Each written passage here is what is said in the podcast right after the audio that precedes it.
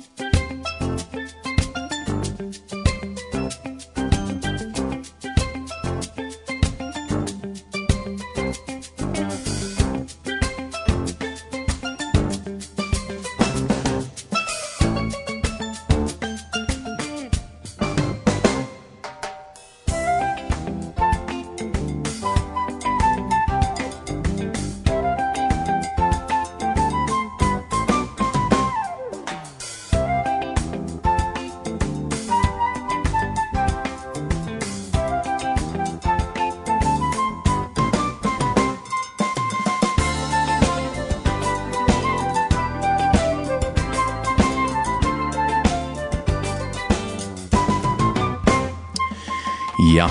Hatta er morgonsendingen av lintene som to lustar etter. Sendingen kallas fyrir A Bilgelangt, og til færa vi da vera sinter i morgon, sinter A Bilgelangt vi vi omkran av oss og vi færa gjerra da sinter um, sérstakt vi henta morgon, vi færa nemlig at um, vi gjerra et avvist evne, og det her evne verer trygg. Hva er trygg? Hvordan uh, fætas trygg? Og, ja, det er alt møle som som vi får at vi kjera i samband vi trygg. Og til er uh, en gestor som er i utvarstående, jeg får uh, ikke introdusere han, enn derfor jeg gjør bant om en løte, tar vi da og hørst etter her leie som uh, Judy Andersen, uh, syster Ola Poulsen, synger for Jakob til Ola Poulsen, som gjør etter her leie her. Her er skilt alle, ja, det er stendt her, og vi får høre her leie trygg.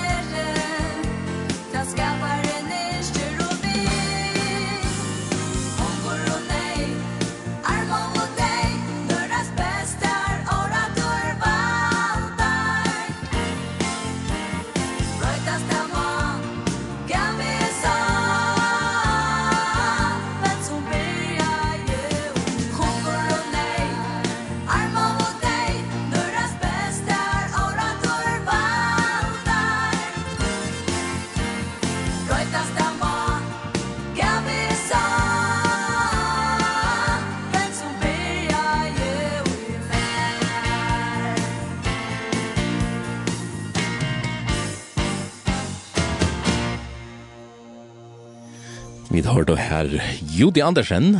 Hon bor nok uh, i Jylland i Ångstane. Men hon sang här för jag Tryggf. Som jeg sier vidt til kun og Janne, så færa vi i hese morgensendingen at vi gjør et avvist evne, og vi da finner en gest. Han er av mikrofon nummer 2, nå kommer vi fra her. Søymen Absalonsen. du er husfolk, men hjertelig velkommen, lykkevel. Takk for det, Aine. Ja, Så uh, trygg, vi da var lukka prate sin til åren hva vi skulle være tås om, og nyrstå av at her, at hva vi at, uh, skulle du katta deg fyrir affæra til grunderleie? Lukka som et fundament. Ja, ja. tog at uh, trygg, öll kjenna Johannes 3.16, hvis jeg skal sitere det Johannes 3 kapittel i under 16, tog så elska i godheimen, at han gav sonsoin, hin einborna, så kjem det. Fyrir at kvart han ui trur og han skal ikkje fortepast, men heva av et loif. Og utifra her som kunne vi sige at uh, frelsakar, eller spurningen om, om forteping og alt det her som som vi nevnt, det er grunn da, hette er hodet som vi har uh, valgt at vi gjør i morgen, trygg. Skal du, ja, jeg vet ikke om vi skal bare byrja med en vei, spyrja, hva, hva er det du har sier om trygg? Hva er det trygg for deg? Og i daglig er det alle tar vi to som trygg, så halte jeg folk hava imiska fætane av hva det var betyr. Og det er veldig viktig, og i en er samtale, at tar folk tåsa uh, om et evne, at de, selv om det ikke er samt, at de, at de, at de, at de, at de, at de, at de, at de, at at at de, Hvis, hvis det er tvei mennesker tås om trygg, og annar har en definisjon på en trygg, og hinn har en ære definisjon, så snakker de fullstendig ja, lengt for forbi hver annan. Så sitter det hvordan er planet. Det er jo klassisk, da. ja, altså, og jeg hadde ofte det som hender, særlig at det kommer til, til folk har en fætland av hva trygg er for nækka, og trygg er at du, at, du gåteker et eller annet øyne eller utsagt som et fakta, så det er trygg. Altså, vi bruker ofte en ord av fakta, fakta-tjekka nækka. Ja Alltså jag jag säger jag hade han rätt som du säger. Men man lukar kan det. Jag må huxa om det. Jag går till så jag är tycker att det rätt. Alltså nu så kvitt du som du säger. Och ändå är da, vi ser andra som du sier, sett opp imot kvarnor at trygg vi ett och faktiskt ett annat. Nämligen nämligen det här och som John Lennox onktiplera säger att det här var en definition på trygg. tryck. Tryck till att gå ta när när uh, where there is no evidence whatsoever, sier han. Og det er nægge humbuk og vrøv, sier Lennoxen. Men uh, man, vi tar ikke egentlig om pregg, men vi tar om indikasjoner og avbendingar og, og kvarsta søgnet. Og i tannforstand er alle mennesker av hjørne tryggvant. Yeah. Til ønsken som ikke tror på akkurat, ikke øynene. Og, og det er bare spørsmål om hva slag av prekvån. Er, er, det, er det, om man så kan si at prägg som vi vilja gå tillka eller er det prägg som vi vilja, om man så kan säga ge och en evigt till alltså. Ja, det är det. Nu nevnte du Johannes 3:16 som er det det klassiske då for fyrir kvart han som tror han ikke skal förtapas og, og här som för över ordtrick uh, nekka vi at evigt ge oss til nekka og kan och ha alla där kan. Och där och här som för en är det sig en virksom. Ja tog at um, han skal ha et eget lov til å si at sykven virker nærka og flyter av en person og det er noe som Jesus sier ene sted i Johannes 5 alltid at uh, han tror at sonen hever eget lov og han kommer ikke til dem han er ferden i Rom altså han er flott i Rom og et marsk og det marsk sier at han er ferden fra deg og ned til lov så heter det en trygg som gjør mån hun er flott nærk at det står år her er det, men men at jeg trykker jo på tyngdekraften, eller tykker på uh, trydabellen og sånn, jeg, ja, men timer er et, et, et, et fakta som vi kan sitte flobånd vi, at det flyter ikke så større. Og, og begge tyngdeloven og trydabellen uh, fungerer akkurat vel, selv om jeg nok er sikker på det. Det flyter altså ikke. Ja. Vi, vi kunne kanskje komme sin sett igjen på prate, men, men det stender ikke i Johannes 3.16 at han som hever tro, hever jeg alt liv, men han som tror, altså, og jeg er nøytøy, men jeg halte det at, at, at vi bare lyser evne på en nå, og, og nyrstående det at det er det olje største evne. Så, men um, det her vi, vi trunner at, um, at det er jo nek som, som gjør seg som frelst, vekna sønne trygg. Uh, hva er det du har å si om det?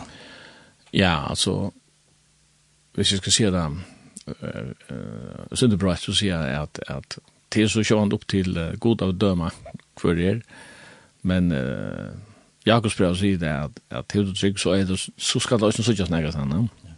altså tryggvens hast sast, jeg vet det til at en tror at god eksisterer, så.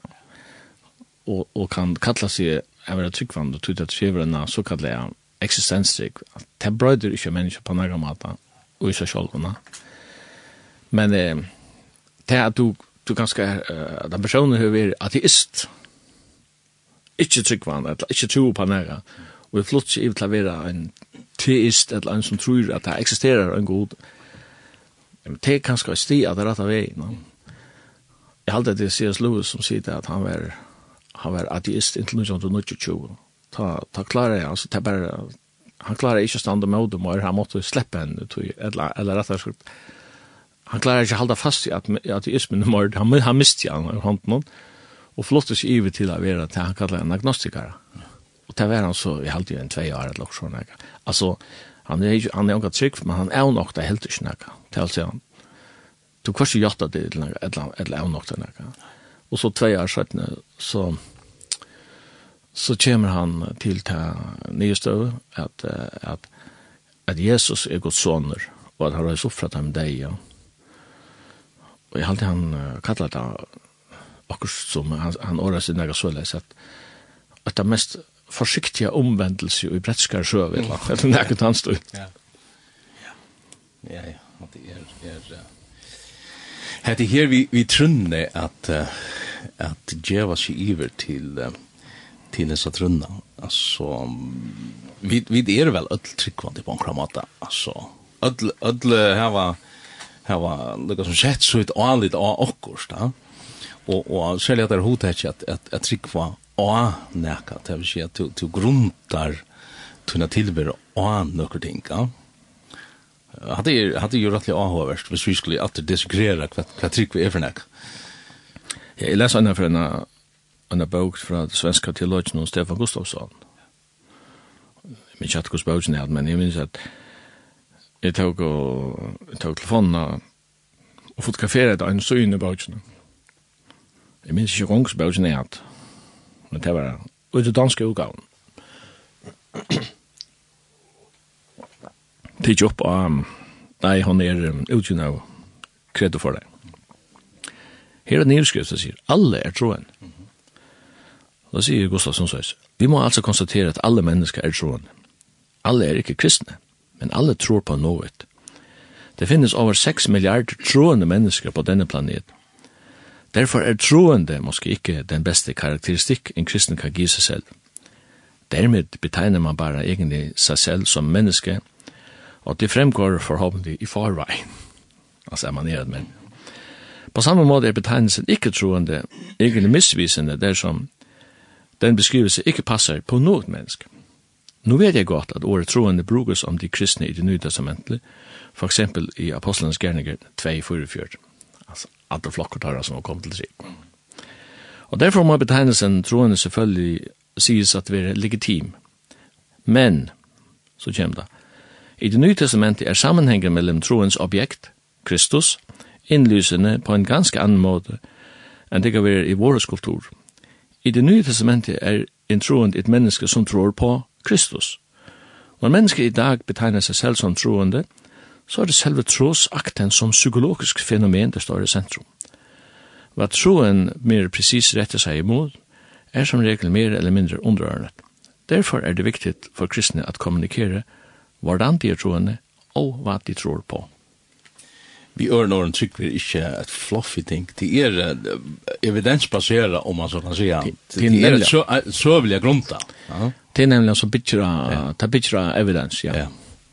Og, og det er at, at god så har gjort det så løsner, at han uh, flyter evidense uh, prekvi på at angsten er synder og dum til vysendalige, til er han jo spesialister i, som måste få där troar brillorna där på, troar eja, ja tui at um, vi hava jo vi, vi uh, som mennesker hava jo vanlige eier og så hava vi uh, evne i salen jeg kan umynda på nokk men, men i hjertan her finnes det jo et eia som vi kallar for troar eia og, og det er vel her og hjertan hon er trobladjen er at vi er blinda i og hjertan det er jo nega vi det er jo nega fattelig kjeran ja.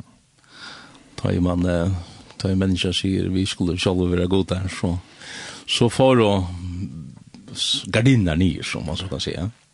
Ja. Altså, og i skriftene så leser vi om eller så er det som er skilt at, at uh, till ymsklö av, av um, matar som god uh, åpenbära sig eller nu nevnte du or evidensbasera, god sår hos seg om uh, generelle åpenbæring, det som du sørst i naturen ja. da du leser i salmen om at himlen er kunngjøret dårdgods og Årebir, nei, og Kvalbir blir bo om hantaverk hans. Etla i Rambrand og Øyte, at det er så klassiskt, ja. At det som vidas kan om god ta ligger menneskene opp igjen. Det er sast av skapen hemsens, og mennesker er unga avsakene.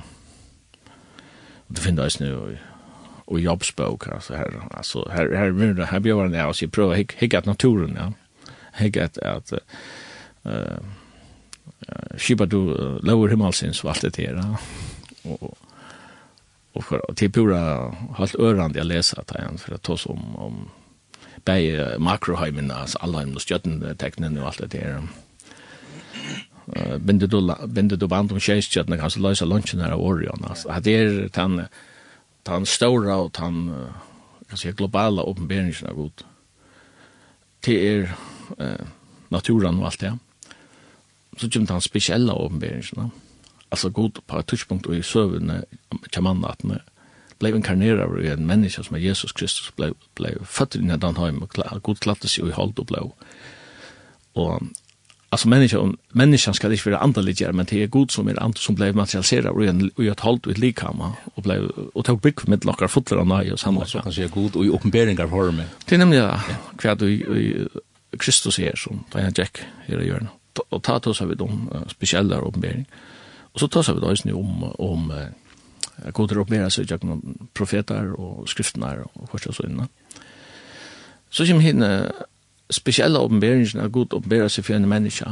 Og da vet jeg når kritiker sier, men altså, at her vi åpenbering, altså, Putta hei øysen, sier ikke øysen av åpenberingar, og Mohammed hei øysen av åpenberingar, og så vil det klassifisere, så det kan øyne passa påstand at det er, Men her Peter svära Jesus, ja, herren spyrar, kan se folk människor som vera.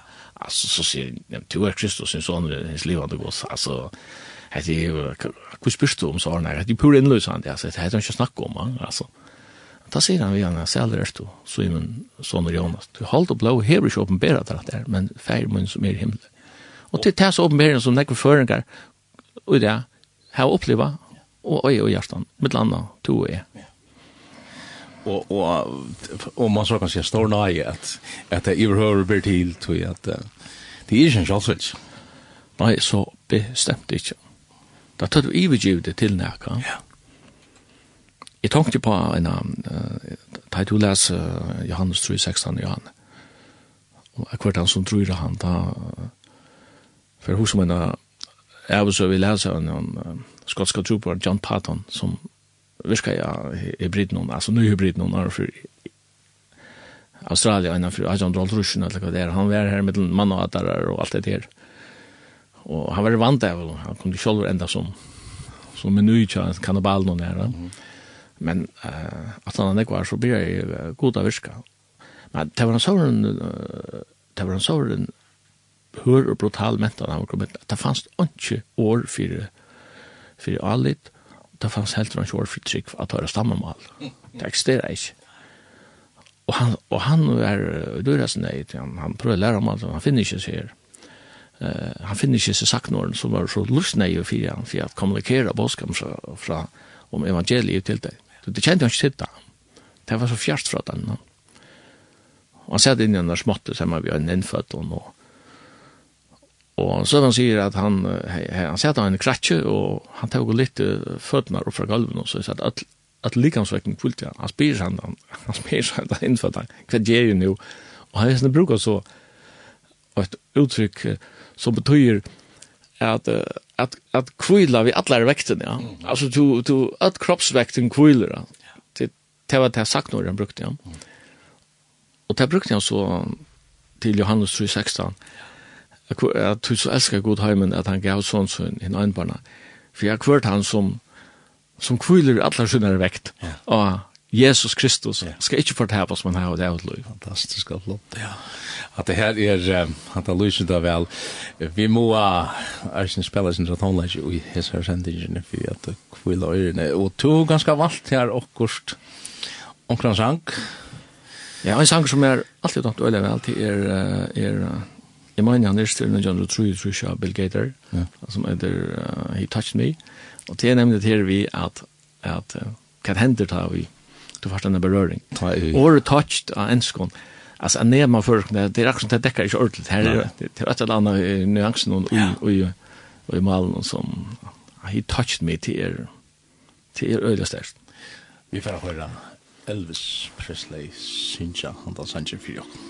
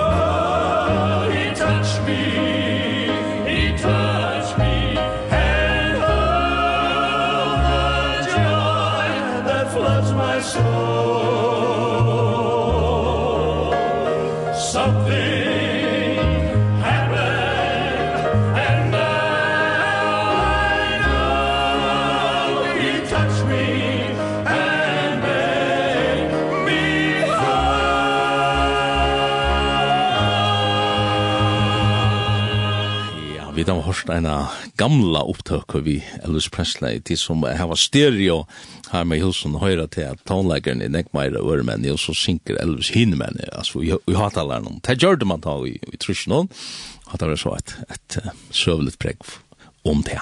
Vi sitter her i Udorstående i Lintene, Svimil Absalonsen og Heinløsen, um, og vi gjør evne trygg. He touched me. Fantastiske sanger. Stersk år fra Bill Gator som er jo skriva og ja, Elvis Presley synker i hæsen her, nekvar, nekvar utgaver av Sands noen. Hvis man skal lyse ordet touched, altså. Ja. At det er til kontakt, ha? Ja. Jeg vet ikke, jeg vet ikke om det blir til ordentlig at omsett år. Det er sterskere, ja. Ja, det er også et eller annet, ja. Til samband, kontakt. Og he touched me, men vi kan nesten vente, vi kan nesten vente det hinveien, ja.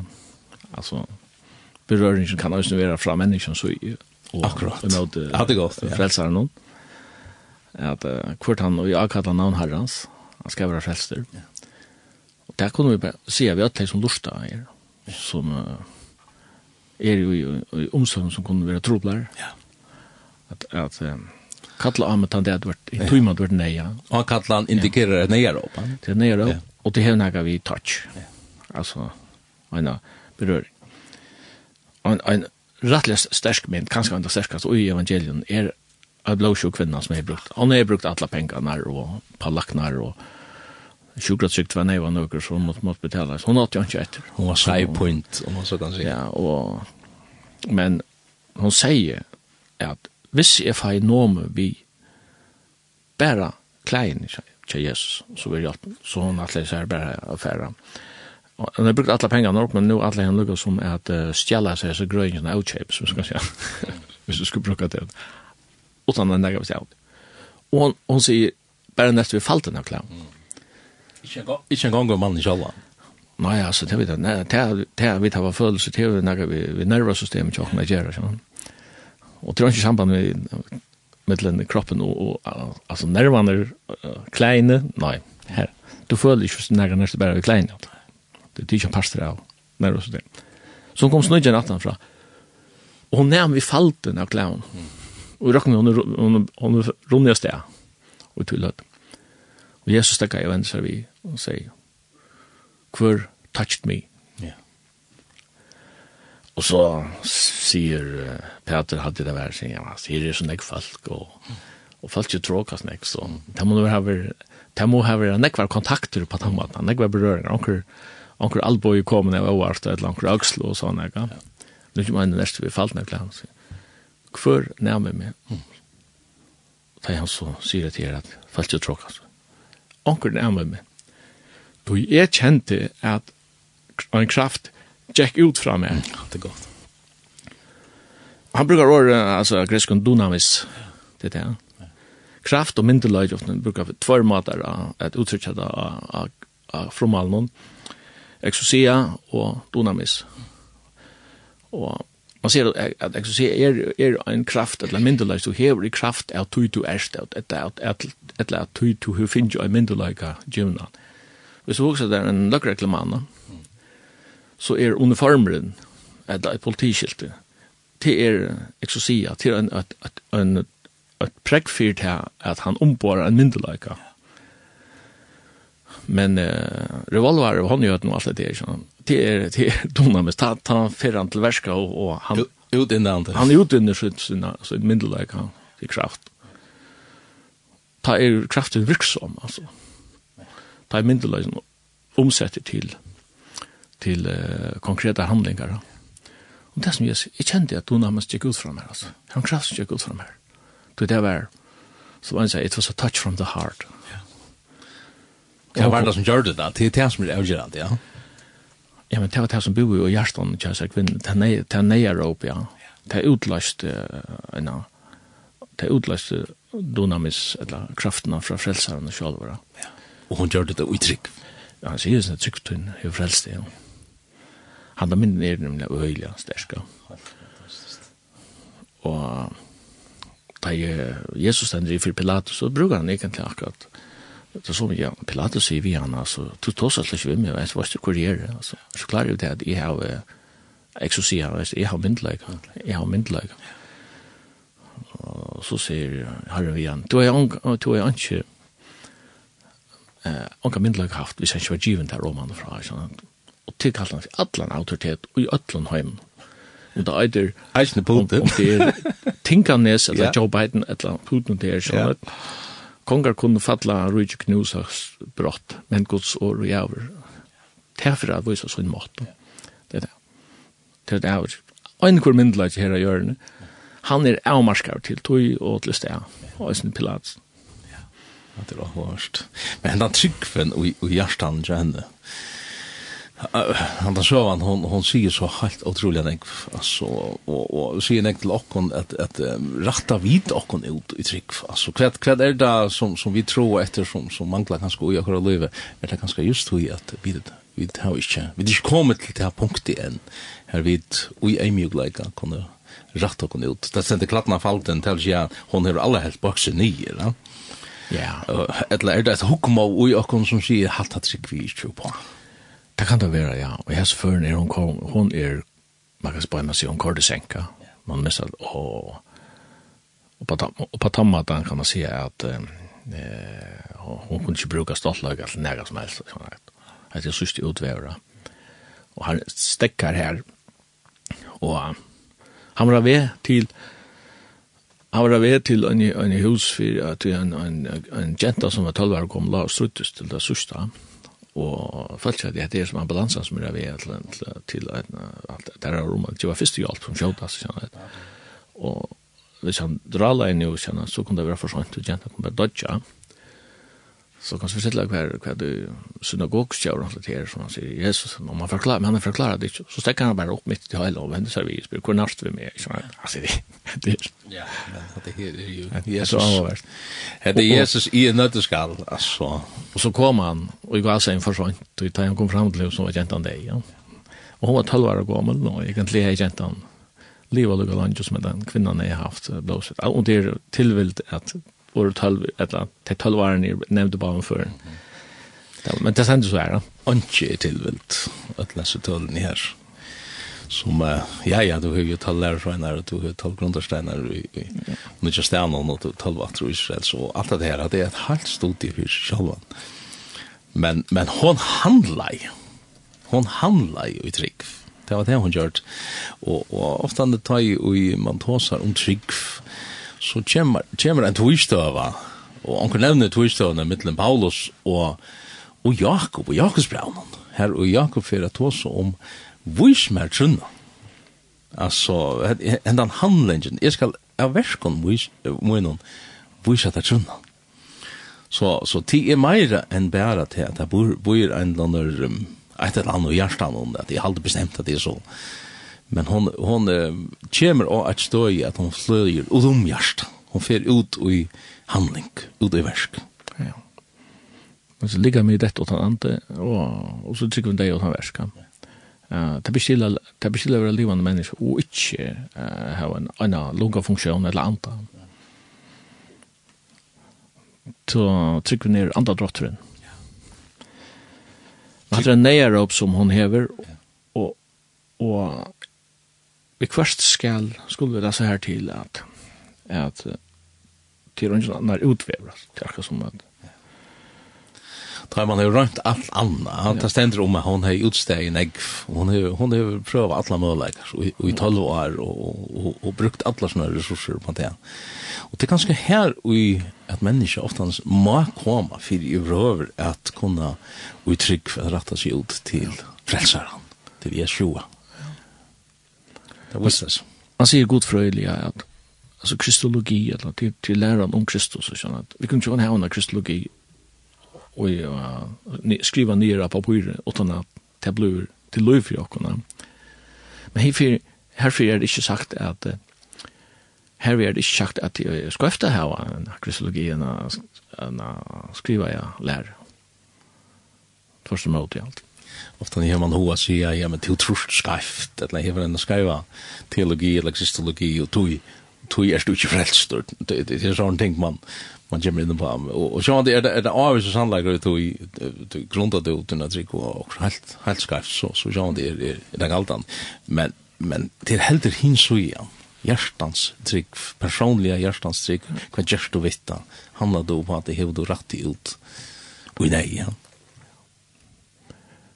det er sagt om det er røndu trunna, at han testa jeg tryggvinna, at han trygg som er utsteina, og at hon er særlig dyrabær for god. Det er akkur som en, ja, godlov er rønt i eldnuna, og tryggvin som hever utsteina rønt, hon er til som Jimstein ja, og i gos egin, og och nu när jag sprav i Jan att han tar sig just om vi her, hans hesa trunna av, av verskon. Bant at nå så fer han og tåsar om tvei mennesker i gamla testament. Og til Abraham, ja, jeg vet, jeg synes ikke at du bråsar ta i nevni Abraham, til ta er rønt trygg som vil nek. Men så nevner han nesten er at til er Rahab. Men, men skulle du lukka teka Abraham fyrst, til er, ja, hade vi hade vi haft trygg till att offra och så sånt. Eh, sjön det hände inte på några vägen men men det är kanske mer vuxter ut. Han börjar vi att Abraham vill tilltala och och och och god Jevron några lyfter. Men uh, så är det att han bojar. Bojar efter lyften. Og han blir kvart, blir han halv hems, og är Du kjenner så? Ja, ja. Hundra år. Og Sara var halv hems. Men det er nok så interessant at Jakob brukar uh, Rahab og Abraham. Det er nok sånn hos imiske bakgrunn til hava. Ja, totalt. Abraham uh, bor i Kjöldun, altså Løyv, og for ångan dina, in, han ble ångan det bojar menneska. Så kattel hans er vær til at bygge Kjöld, som Hebrea brett å si, ja.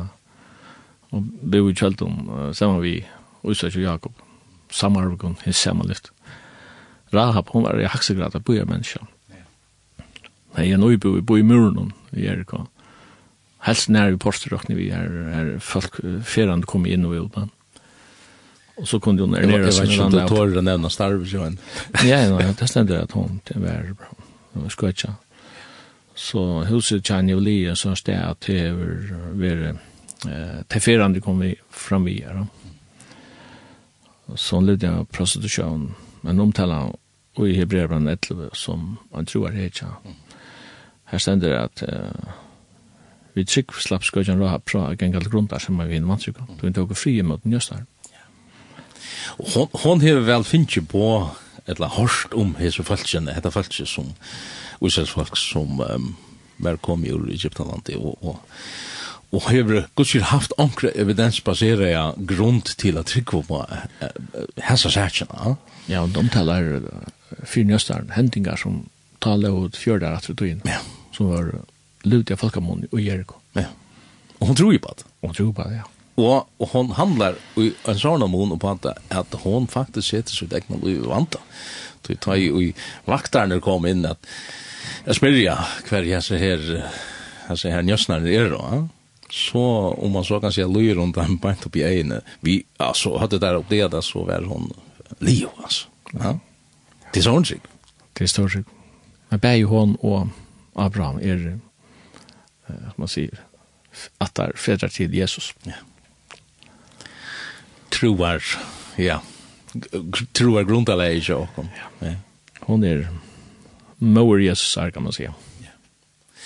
Og hva verst eisne at, at um, Abraham, han er jo lustig som er det her minster, minster personer enn som bara är lojen och, och ger det som man skall och, och så och så rapsgårdskan alltså man ska inte glorifiera henne glorifiera henne mer än vad hon är men hon är trygg Ja, og himmelen kan man også si at hekkert du et løven til Abraham, så er nekk i løven til honom, nekk er hendinger og, og nekk som han gjør som kunne benta at han manglet trygg.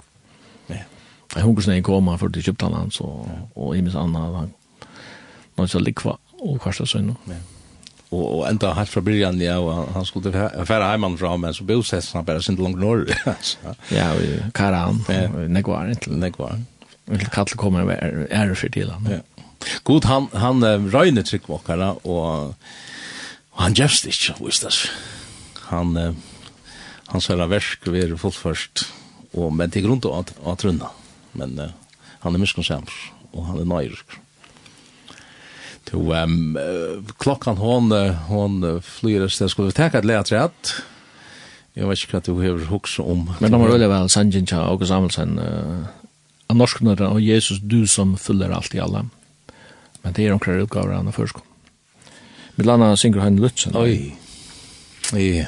Skulle vi få prøve? Jeg vet ikke om jag om jag inte jag blir löj i Arden men. Vi må lønne å finne han fram her. Så kommer vi finne, ja, en han vi kommer til å vite hva du hilsen sangren sier.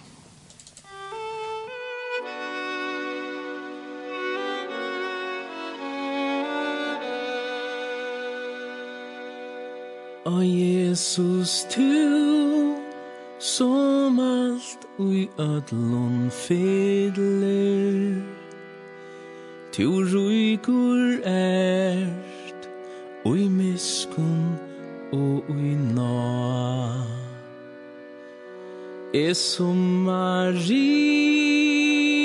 fire fot tun stidlor Vil nu i ur finna kvildar sted E vekra frelsar navnet ut vil nevna. Ur hjärstans stuype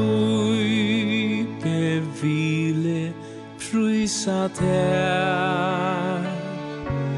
Og adler døtjer i maskokar svinna. Tui nai sol, tui lyser fire mær.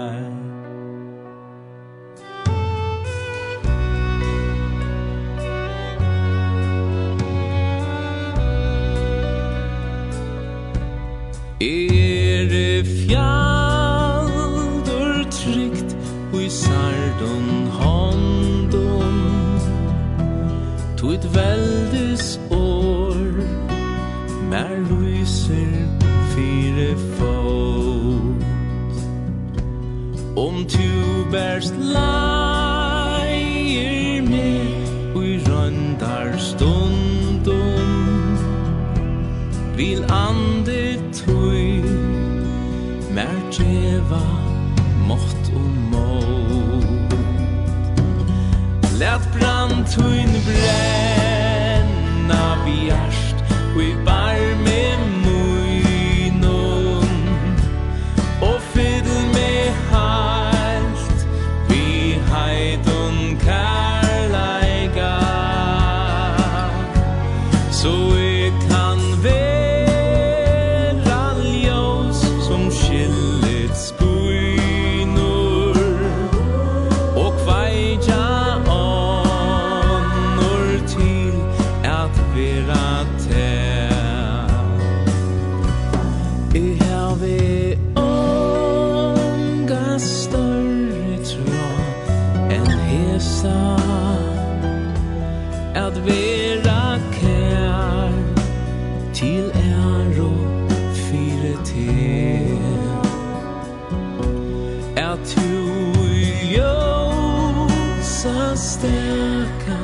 vil me se fram Så jeg kan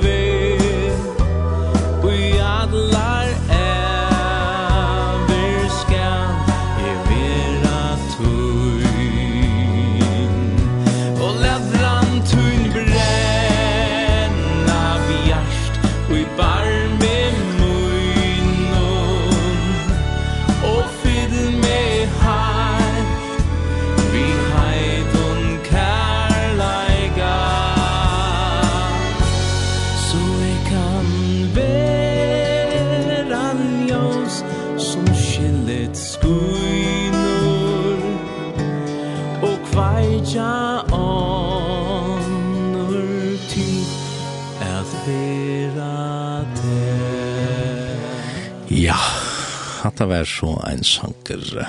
Og Samuelsen er så skrivan av Jesus. Du som fyller alt i alle. Jeg har jo hatt lyset det som en kærlekssang til Jesus. Men til lortar her etter sendingen og bildet langt. Vi sitter her tvær manns Svimne Absalonsen og Hendelsen og vi tar så om hodet er ikke trygg. Vi da er vi, jeg synes det vi er i, i hodetjen her, eller hva vet? Ja. Om trygg. Jeg har også noe som uh, om trygg som en gave. Interessant. Ofte uh, halda fast trygg til jeg som altså, til et eller annet som jeg skal arbeide opp innan noe mer. Akkurat til som en, til som en uh, kamper, altså. Jeg, jeg skal opparbeide en av trygg. Hvordan man har også gjort det. Til så, til så en annen spørninger. Ja Men vi uh, kunne ikke frem ta seg nesten om trygg som en nøye gav. Ikke som en antans avvokst, men som en antans gav. Så leser vi øren givet trygg og i samme, Så vi givet trygg og i samme anda. Det sier bare at evne er så er så veldig størst og til øyne et, et et gateført evne, altså. Det er et mysterium det inne på ham. Altså, jeg, jeg, jeg kan ikke stille meg frem her ved en mikrofon og fortelle at jeg har Uh, løst alle spurningar og hur trykva gera. Jeg stand sjálfur við nekkum spurning. Og tað sem blær trykk. Og og og at her at veksa við trykk. Altså at at bonus i trønne. Altså hon hon byrjar hon byrjar veik om man så kan säga och så så ska hon och till det som god vill väl vill göra ta i han ta i han röjner tryckvåkare till för att få henne växa. Ja, og du vil det sammanlagt med muskler. da. Da vekser ikke utan då bruker det och och och tar man det för gott ganska och, och så har hemma i grund att bruka musklerna ja? så sätter man sig i en bil och, och de skapar en bindovne och allt det här det är kanske inte för en man kommer oj rönter att troar musklen verer bøkter og, og evne over tid. Og så at han føler du at det du først gjør jøkken Det rykker ditt liv. Og gatt er en, kan man si, en nødgjør dimensjon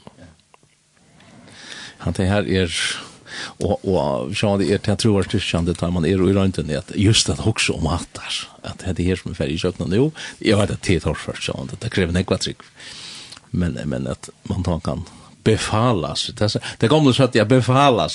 Ja, det er godt uttrykk Ja, det är öra gott uttryck. Jag vet inte hur att lyda sig över. Jag vet inte hur gott förut det är, men man, man vet att, det var så det danska var ju en pastor av kontoren i Ja Så. Men det var trygg for at Jesus uh, sier vi Peter at, uh, at uh, Satan vil hava det, solgte det, men jeg ber fyrt her, at tryggven ikke skulle svitja, og ta til ene vender om, styrk så han brør til henne. Altså, Peter har ikke peiling av hva stå på spil i hans liv, ja. Han er bygge for honom, frelseren ber for henne, at tryggven ikke skulle svitja, og ta til så ene vender om, altså, det kan bli en situasjon, han har bruk for å vende om, eh, fra kvarjon, ja, til så det. Men perfekt var han ikke, til så gjør vi, det som hendte på et annet. Han sier, han sier just, uh, Jesus sier så løsner, at Satan ville syfta til som kvajt, og ta det skifte kvajt, ta er den etskilnær som fyrir fram, ha, mittlen ja. dumpena og, og... Det var solta. Det var solta, ja. aknan her skulle bortre av, og, og ofta han i en annen steg, en hedge kanskje her, her det er vinter, og, og at når det ganske som, som man opplever sin løyve, kanskje er det just just for at det får en, en, en skyldna at hente i New York, altså at et, et skifte. Ja. Men hvis det er som praktiserer og prædikar i en, en livande virksamhetstrykk, så er det just bedre. Men jeg grøtte henne vi som satt lämmen vid fökre dyr och andra som skulle stanna skolan rätt så säger han eh, att det är vid namnet Jesu Kristi Nazarean som till krossfest. Eh, och så säger han utrunni av navn Jesus här hever navn hans här uh, grøtt hentan og tryggven som virka er vi honom så tryggven som virka hon hever just det här aktivera. ja, ja. Men hade här hodet nu nu nämnd du navn här. Alltså vad ligger i i i hodet som navn? du tror du på navn? Jag nämnde ju gärna att här vi vi tog också en politiuniform eller ett politiskilt ja alltså att du omboar myndlagande omboar lovna, låna och låna navn, ja. Det är navn, det är allt rutjer som det är alltså. Det är allt som det er, og, og vi sier, ser og i namn och munnen. og i namn och munnen ta avkallar du, eller ta papir av du, jeg har den haksta av myndelaga, 1840, og rikken, som eksisterer.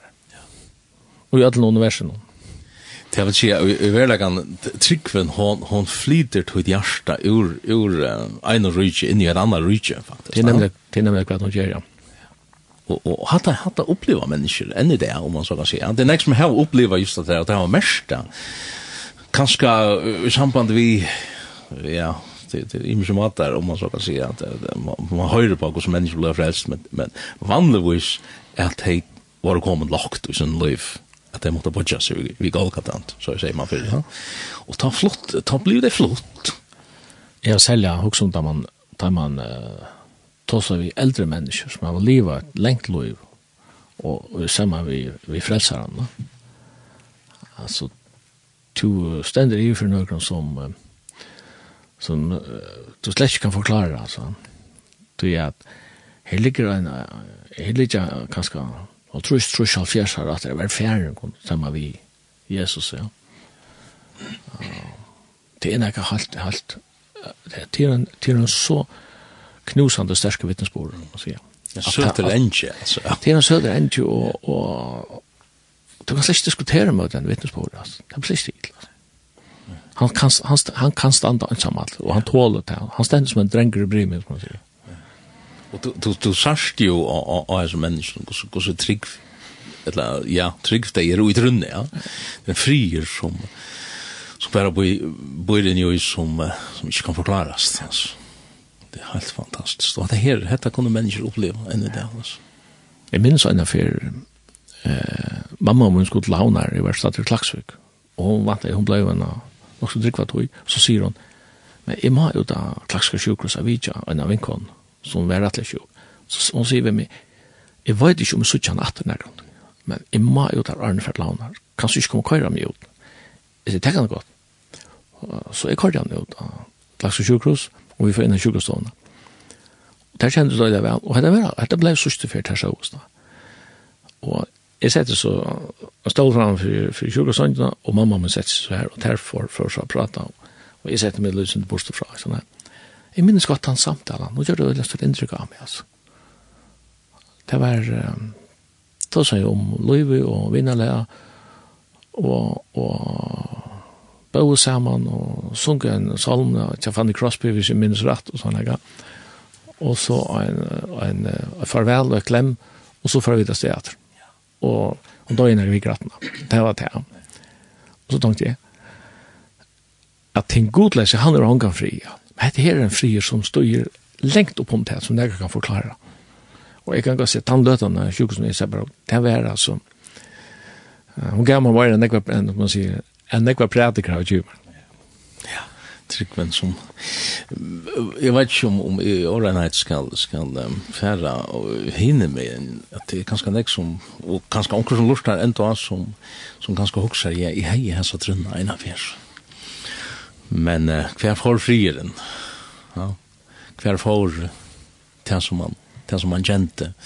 Den troar vissan som som vær Du um, ja, du kan ta så Du kan ta så en kanske omkring fotland som du møter alla söker. Jag kände vi enda vi vi nu just med i Ørmenni och och och Lommalersen hin men ja.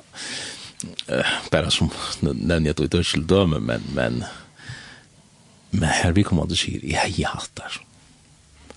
Ofta kan en ett lamma minka och vi kvart kan det vara en en liten norsk etter som nesten ikke sast men men som är det lukka. Jeg tror inte för sig det med domare över hästen tänker när jeg vet at det er faktisk som, at det som man løy kjipper og trunner vi vet det, og det er sikkert et egentlig trobult evne å komme inn på han. Men jeg tykker hun vil rønt, og at hun, hun fær sånne avbjørnger til, det er egentlig velkjent. Jeg husker om uh, en tilbord i Pøylagrunnsferien, tja John Bunyan. Jeg vet at du kjenner vel Pøylagrunnsferien. Ja, må ikke det. Det er noen klassiker fra, fra puritanerne, fra, og skriver 1600 nækka. Ja det er jo for også, ja, ja, to var akkurat. Han uh, nevner så, jeg, jeg minns jo som til kristen og vannrygg, eller kristen og trofast som spaserer og prater sammen, og tørker man tås om en som jeg tror er vajt. Og så har jeg vi han, han ble anloppen av vennen, noen, ja, og trimmer personer, men jeg kvettet i det til Jeg halte at... Ja, hva var nøvn, gå sier. Ein er at, ein er at Ivi, ein er at Øtti og Oksjornaga. Og tar tog... Uh, eh tar tog jag imska fram och bokrotlarna och gymsteinarna och allt det där. Och och så bokrotlarna tar passar ju, va? Nej, helt nej.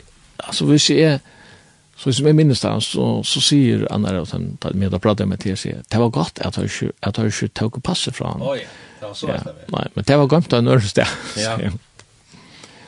Men det var ju han var vet passa. Han han hejde. Han var vet passa här bakom att men Men han blev då lukkig människa att det.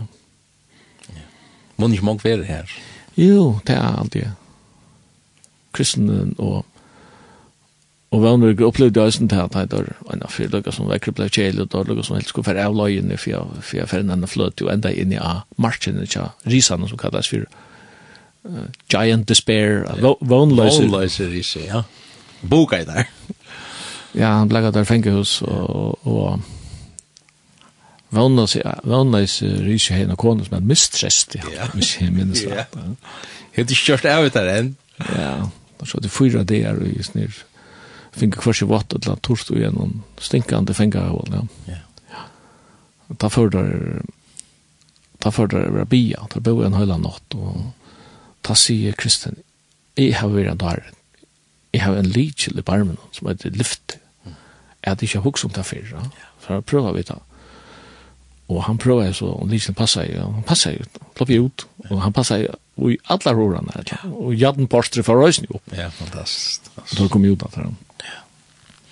At det her er, at det er sånne frasøkner som er god for jokken, som trykker man det at, at vita, vita sånne ting, um, skulle taka ett lä att träd kanske vi det släckliga i även igen men Men du kanskje hever akkurat lea her av listan ikke det.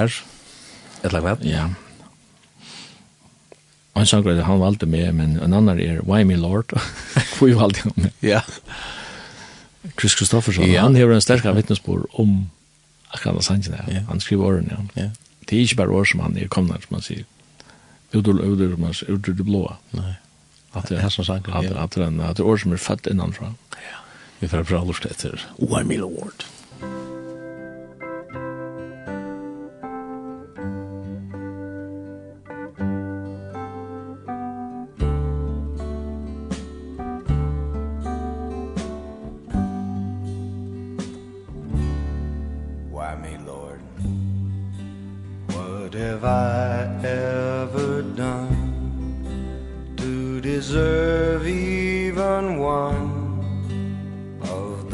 treasure I've known.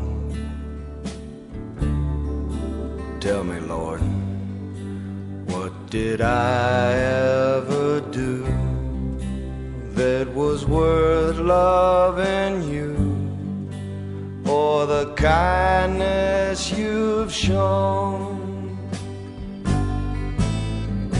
Lord, help me, Jesus. I've waited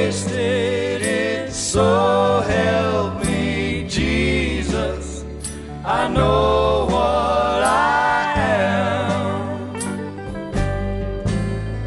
But now that I know that I've needed you So help me, Jesus, my soul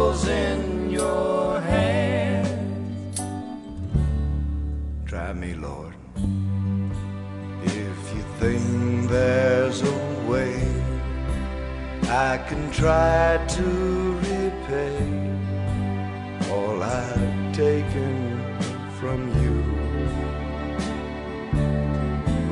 Maybe Lord I can show someone else what I've been through myself on my way back to you. Lord help I've wasted it so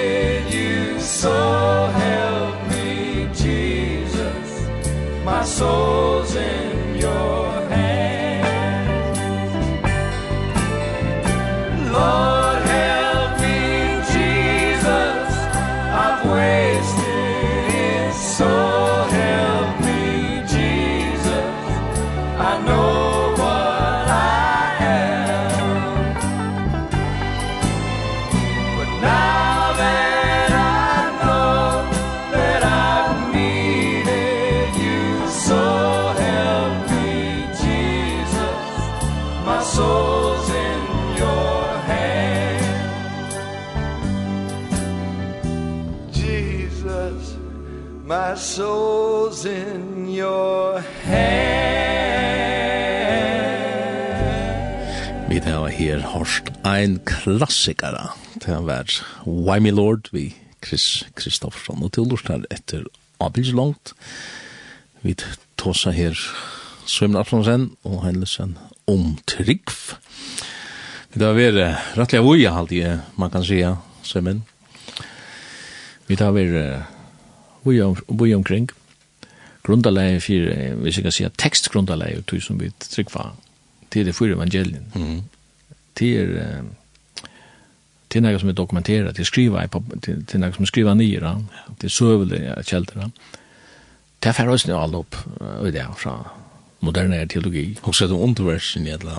Ja, men det är särskilt underversen. Alltså. Hvis du ska uh, och i moderna söverkritiska granskningar, hvis du ska godtaga några för att göra sövliga korrekt, så ska det vara hänt i, i, vad ska man säga, i, i til naturliga inn i inn i till naturliga hemmen og på naturlige matar og alt det der. Ja. Så ut fra en av om kjønner mi, så mamma bara en vreka, men hvis vi så läser i kjeltene at, at en person ikke inte vatten till vin. Ja men så er det jo vreka. på. Jag måste säga om det er tekstkritisk helter da, så har du langt her uh, brøðu du levende hvis du so til det som korrekt tog at ta vi... Uh, trunner på naturlovene er konstant der at det er ikke undantag fra dem. Det er øyelig krumspring som er gjort for at jeg kunne, om man så kan si, bortforklare alt som ikke passer inn i denne kassan her som man har sett jo, ja? Ja, det er nesten uh, det er nesten ikke skilje. Det er heller ikke man gjør kast vi at lese evangelien og, og prøve at og prøve at uh, forklare deg så løs at du tolka det så leis at det passar inn i en naturligt ram. Du sørst av følelsene da Jesus gjør rundt verden. Det er undra oss, det blir, det blir pura, som man sier. Det er de større profeter i risen middelen. Herren er vidtja faktisk. Kraftar gjerer underverska. At det der vi gjør der og såtom og gomorra, så er det vent om til en Altså, det er en. Og Isaias profeterer i nek hundra undan om Messias, så kallar han for underfotler. Altså, han er fotler av undrum, Og hvordan skal du om bortforklare undrene, ta han er fotler av undrene? Så hvis han ikke, hvis han ikke gjør undre, og hvis han ikke kan er herre, og even naturloven, ja, ja, så er han bare menneske, og ikke mer enn det. han. Men det er just prekker for at han er nega mer enn det. han. Og det største undre var jo opprestningen, altså. Ja, ja, vi kjøtt alle om. Vi kjøtt alle om, altså. Det er det om man har alt, da. Men hivein vil jeg si at det, ja, jeg, jeg kan godt skilja skeptikere. Altså, jeg vil si at det til større måne mellom skeptikere enn kynikere. En kynikere, han, han sier klar, jeg, jeg, han hever tidlig støve på forhold. Er nok det.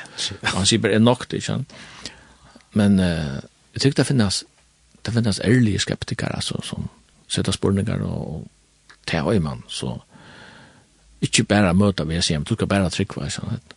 Du må møte skeptikeren her som skeptikeren er, da han kan være en ærlig søkjant person, nesten, ja. Og, og troar år, år som, som, som uh, jeg særlig, ur åregods, her var jo brøtt med en gammel, så det er fink og trunn, og jøk noen år, ja, altså, ja. og jøk noen vittnesboren, og jøk noen, og, og jøk noen det som, som det søkja, opplever jøk noen et annet menneske, ja. ja. det er tryggvinni er en gava, ja. Men tar du hever hans brillene på, som man ofte hever fra det søvkritiske, ja så fær teksteren øyne en ekve herrer viffer enn han annars vil det finne, ja. Man sier, han fær nesten omgang chans, tror jeg. Man nesten leser, man leser det her, vi, vi tar med brillen om, ja, at det er så stendig, det skal alt for alt det verden ikke passa. Og ta blod, ta blod er djupt oseriøst. Ja, man, man vil nesten nå at uh, grønner, altså, et la grata, jeg vet ikke hva man skal, da, om som, som vi har gjort. Jeg leser en affære her, vi, jeg, jeg lyser synder av, en bibelkritikk, det er historien, er for anbefalende for ikke gjerne, men bare for å vite hvordan er det man hokser da. Er det til dem stendet da, i Johannes evangeliet, og da Jesus var dømt til deg, at, at han bærer krossen selv, da. Så det så Lukas at han var dømt til deg, og så når Korene bærer krossen, så sier aha, her er ansøkninger, at det henger ikke sammen. Så en evangelist sier at Jesus bærer krossen, og en annan sier at at Simon ur Korinne bär krossen. Og hvis det bär hasse bär stå, og hvis ikke annan må jeg visste om det her, så er det steg som en, en avbending om en ansøk. Ikke nei, du ofte kan et eller annet vise seg å være en ansøk, tror vi videre for lyd. Vi videre faktisk for lyd om det. Og så stender det som en, en och du brukte ofta en en sån apparent contradiction as att ta till en till synde laddande en motsägelse och just mer så men det är just det är en motsägelse men det gör det så i häsen för no men vi tar så läser Matteus så så ständer det här att av ve ut av Golgata Lätte där handen av en man som kom här marsken som jag synd och Han hade där till att bära kross. Det är ju bäj vår Nu er knallig på sånn, tror jeg at og i helseføren sørste til, så er det korene bærkrossen, hvordan ser det sørste på etter? Hvor er det så bare enn det visste? Da sier Mathias han ikke, men takk må bare gjøre hvor det var. Ja, nu ble knallet på bæg, sånn. Tror jeg nå faktisk må vita. Ja. Og så, så kan det være vi nekvån tingene i skriften som ser ut til å være en ansøk.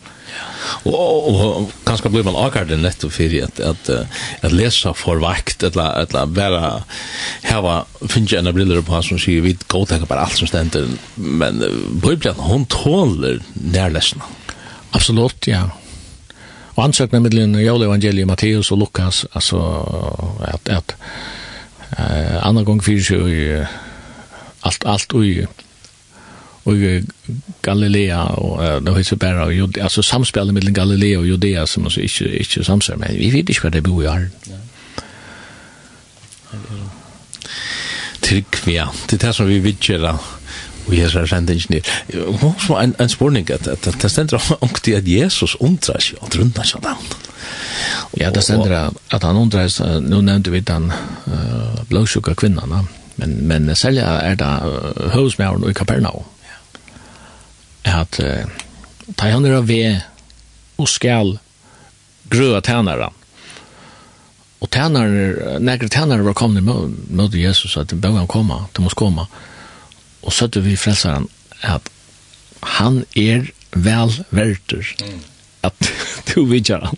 Han er, hesten her, som jeg sender til, er slett ikke bidrar, han er slett ikke bidrar til som hvordan verter han er. Han har bare sagt, be han komme, mm Och nu färd där till frälsaren och ser vi han, så tändaren till till husman ser. Alltså han har virkelig upp på bord ett besök från där. Liksom det. Men tog bedre, han får ikke diskutera vi han kvar värre och inte Men av vi til husen til tändaren och där till husman. Kommer en nutch delegation och sänder man och säger Oh my god, ikke sier herre akkurat. Du er ikke verdt at du kommer rundt der mot deg. Men si bara då så vart han en frisk. Ta sig alltså såna såna trykk har jeg inte så.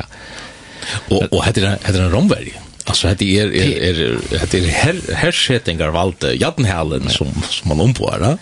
Heter tor som har Tigeland. Romvärgen. Han är chef trykk, trick i Israel. Men det sender også ner at han undrar sig tryck men det sender at han han undrar sig av antryck då att det gör för att han säkert i hembygden. Ja. Så det som fär han att undrast. Tryggven och, och vantrygg. Och vantrygg. Ja. Det kan du inte så sjå att det säger att använd till att, att kanske särskilt nu av dövon och är sån klok och dövon att man undrast av vantrygna etla etla antna vet man inte vad tryck vi är för näka och i näka vad för runt och att till att vantrycken är så stora allt ska präkvast och och och till och fast lever i en teachers hemma digitalen DJ-sime og, og og faktisk han i atterlige som man undrar sig om om det behöver för for jeg har drønna. Och og det, det stender det så skrivs det att ta ju ta i herren kommer man han finna. Man han færa att finna drunna och gör og jeg har jo en svær hva det er jeg vet ikke om om man trygg ja. Och jag när um, troblare situation som människor kunde vara blägga ju knappt ja og så kan vi røyla fortulla han det. Da kommer vi så være så opptrykkende av noen og problemen her nu, at man gløy med liften, ja. Hva sier han da? Ja, som ligel, ikke den til Janne. Ja, han sier at er vet ikke alle det er, lukket enda tøyere der. Er problemet for å komme av Bjørngar, ja, men det vil alltid være.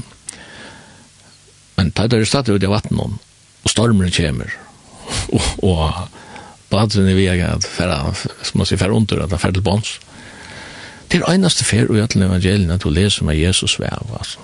På, han la oss svev en kott i bergskogen, mitt i denne ødene. Og tar vekk til han og sier, legget han ikke uja, vi kan ikke bort. Og han uh, røste seg opp, og han, uh, han høytte vinduet alt og tablet blikkalagt. Og så spyr han der, hver er sikkert ikkara. Og hva er det også med, ja, hva, det, hva skal svære være på nattbord? Vi vet at, at opphavsmæver og fullkommer troeren handler om han han la svære i backskoden. Men jeg husker at Anna er sammen. Arda fra fra landet og fra i Brom. Da sier han vet der, nå færer vi i Brom. Og så leier han seg å sove. Og han har sagt vet der, vi færer i Brom. Og da han har sagt at vi færer i Brom, så blir det ikke bort. Mm Så lyfte vær her. Lyfte vær her at vi er ferdig i Roma. Og i kaos i ødene, ja, så hadde jeg ikke glemt at han hadde sagt at vi færre altså i Roma. Så reiser han ikke opp seg hver riktikkere. Og til det samme i situasjonen som mennesker kommer ut i. Det kan være sorg, det kan være sjuka, det kan være lyingar, sånn det Man skal ikke glemme det at han har sagt vi er ferdig i Roma. Og her vet ikke alle de er lykket til enda døyer. Ja. Men vi glömmer den. Vi glömmer det i vi i orkanen i i i vinden vänder någon att i kaosen som är runt om bakom. Och så må man väl färdigt till det här är att ja men så må man minnas ju att alltså färg färg i årgods läs läs på alltså färg samma vi till någon troar kristen och hörs gå år lästes år. Han er oppass med over og fullkommer joeren her, for jeg bruker ikke hebreerbravene. Det er at du var omgående mørtrykk, for jeg har ikke noe til sjalvan, eller har ikke et omstånd til det. Hetta er, hetta er flott. Vi kom til sjåan til sitt i lunch lunge at rett, men jeg antar ikke at jeg gjør det så grulig enn jeg at rett, utan kanskje at du skal slippe å velge der. Jeg at rett som min, og um, jeg vet ikke hver, og hver to erst og ja, vi, vi formar sitt løyve Jesus sitt einasta og Heina Lutzen. Mer damer og mer han sant han er jo en favoritt Vi vet her at lørste her så kunne vi det runda at han hatt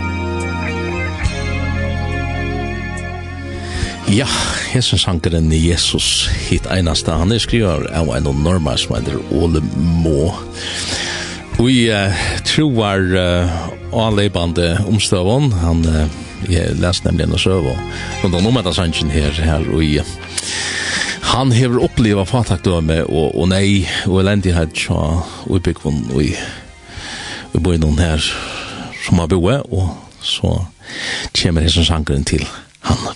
Men vi uh, har haft en gest i sendingene om veldig i morgen. Og han sitter enn, uh, Søymen, jeg får at sier deg tusen takk for at uh, du ville leide deg forbi, fram vi. Ja, selv takk for at du tømte her meg her.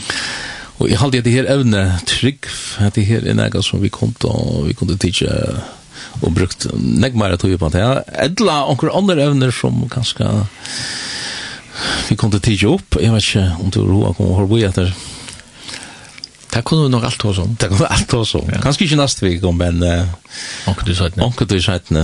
Tog at uh, jeg har gått skyrfalt til at jeg er veldig gjøvande for meg, og vanande eisne for lortaren av hese her sendingen. Så, så, men tusen takk for at du komst. Sjalvor takk.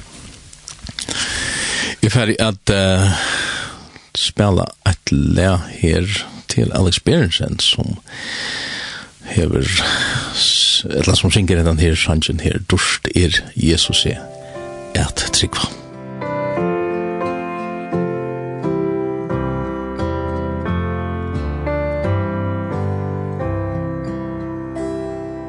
Dorst er Jesus er et tryggva og han sår at luida ha Fjaldur rui Hans liftum vera Ljós ui ljós Ui hans at sjå Herre Jesus Tu erst borgen Er musan Ui vanda fyr Tu ui jar Ui der hin samme Oi atlar avir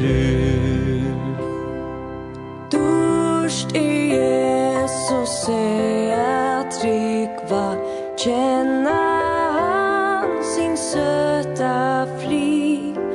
Oi kraft og ljøs og glejen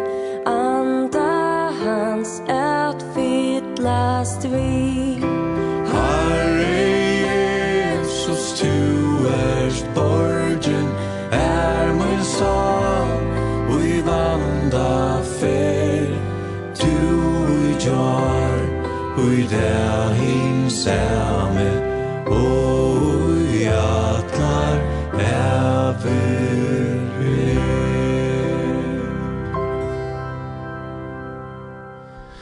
Ja, au. Flåvende fra Lykke Fløvene tja Alex Berensen som her han synker Gåa gamla sanger her har vi så leie Dorst er Jesus jeg trykker ja hun spela eit leie at og til å være Cathy Tricoli som fyrir at synkje om trofeste herrans Lorska bare her.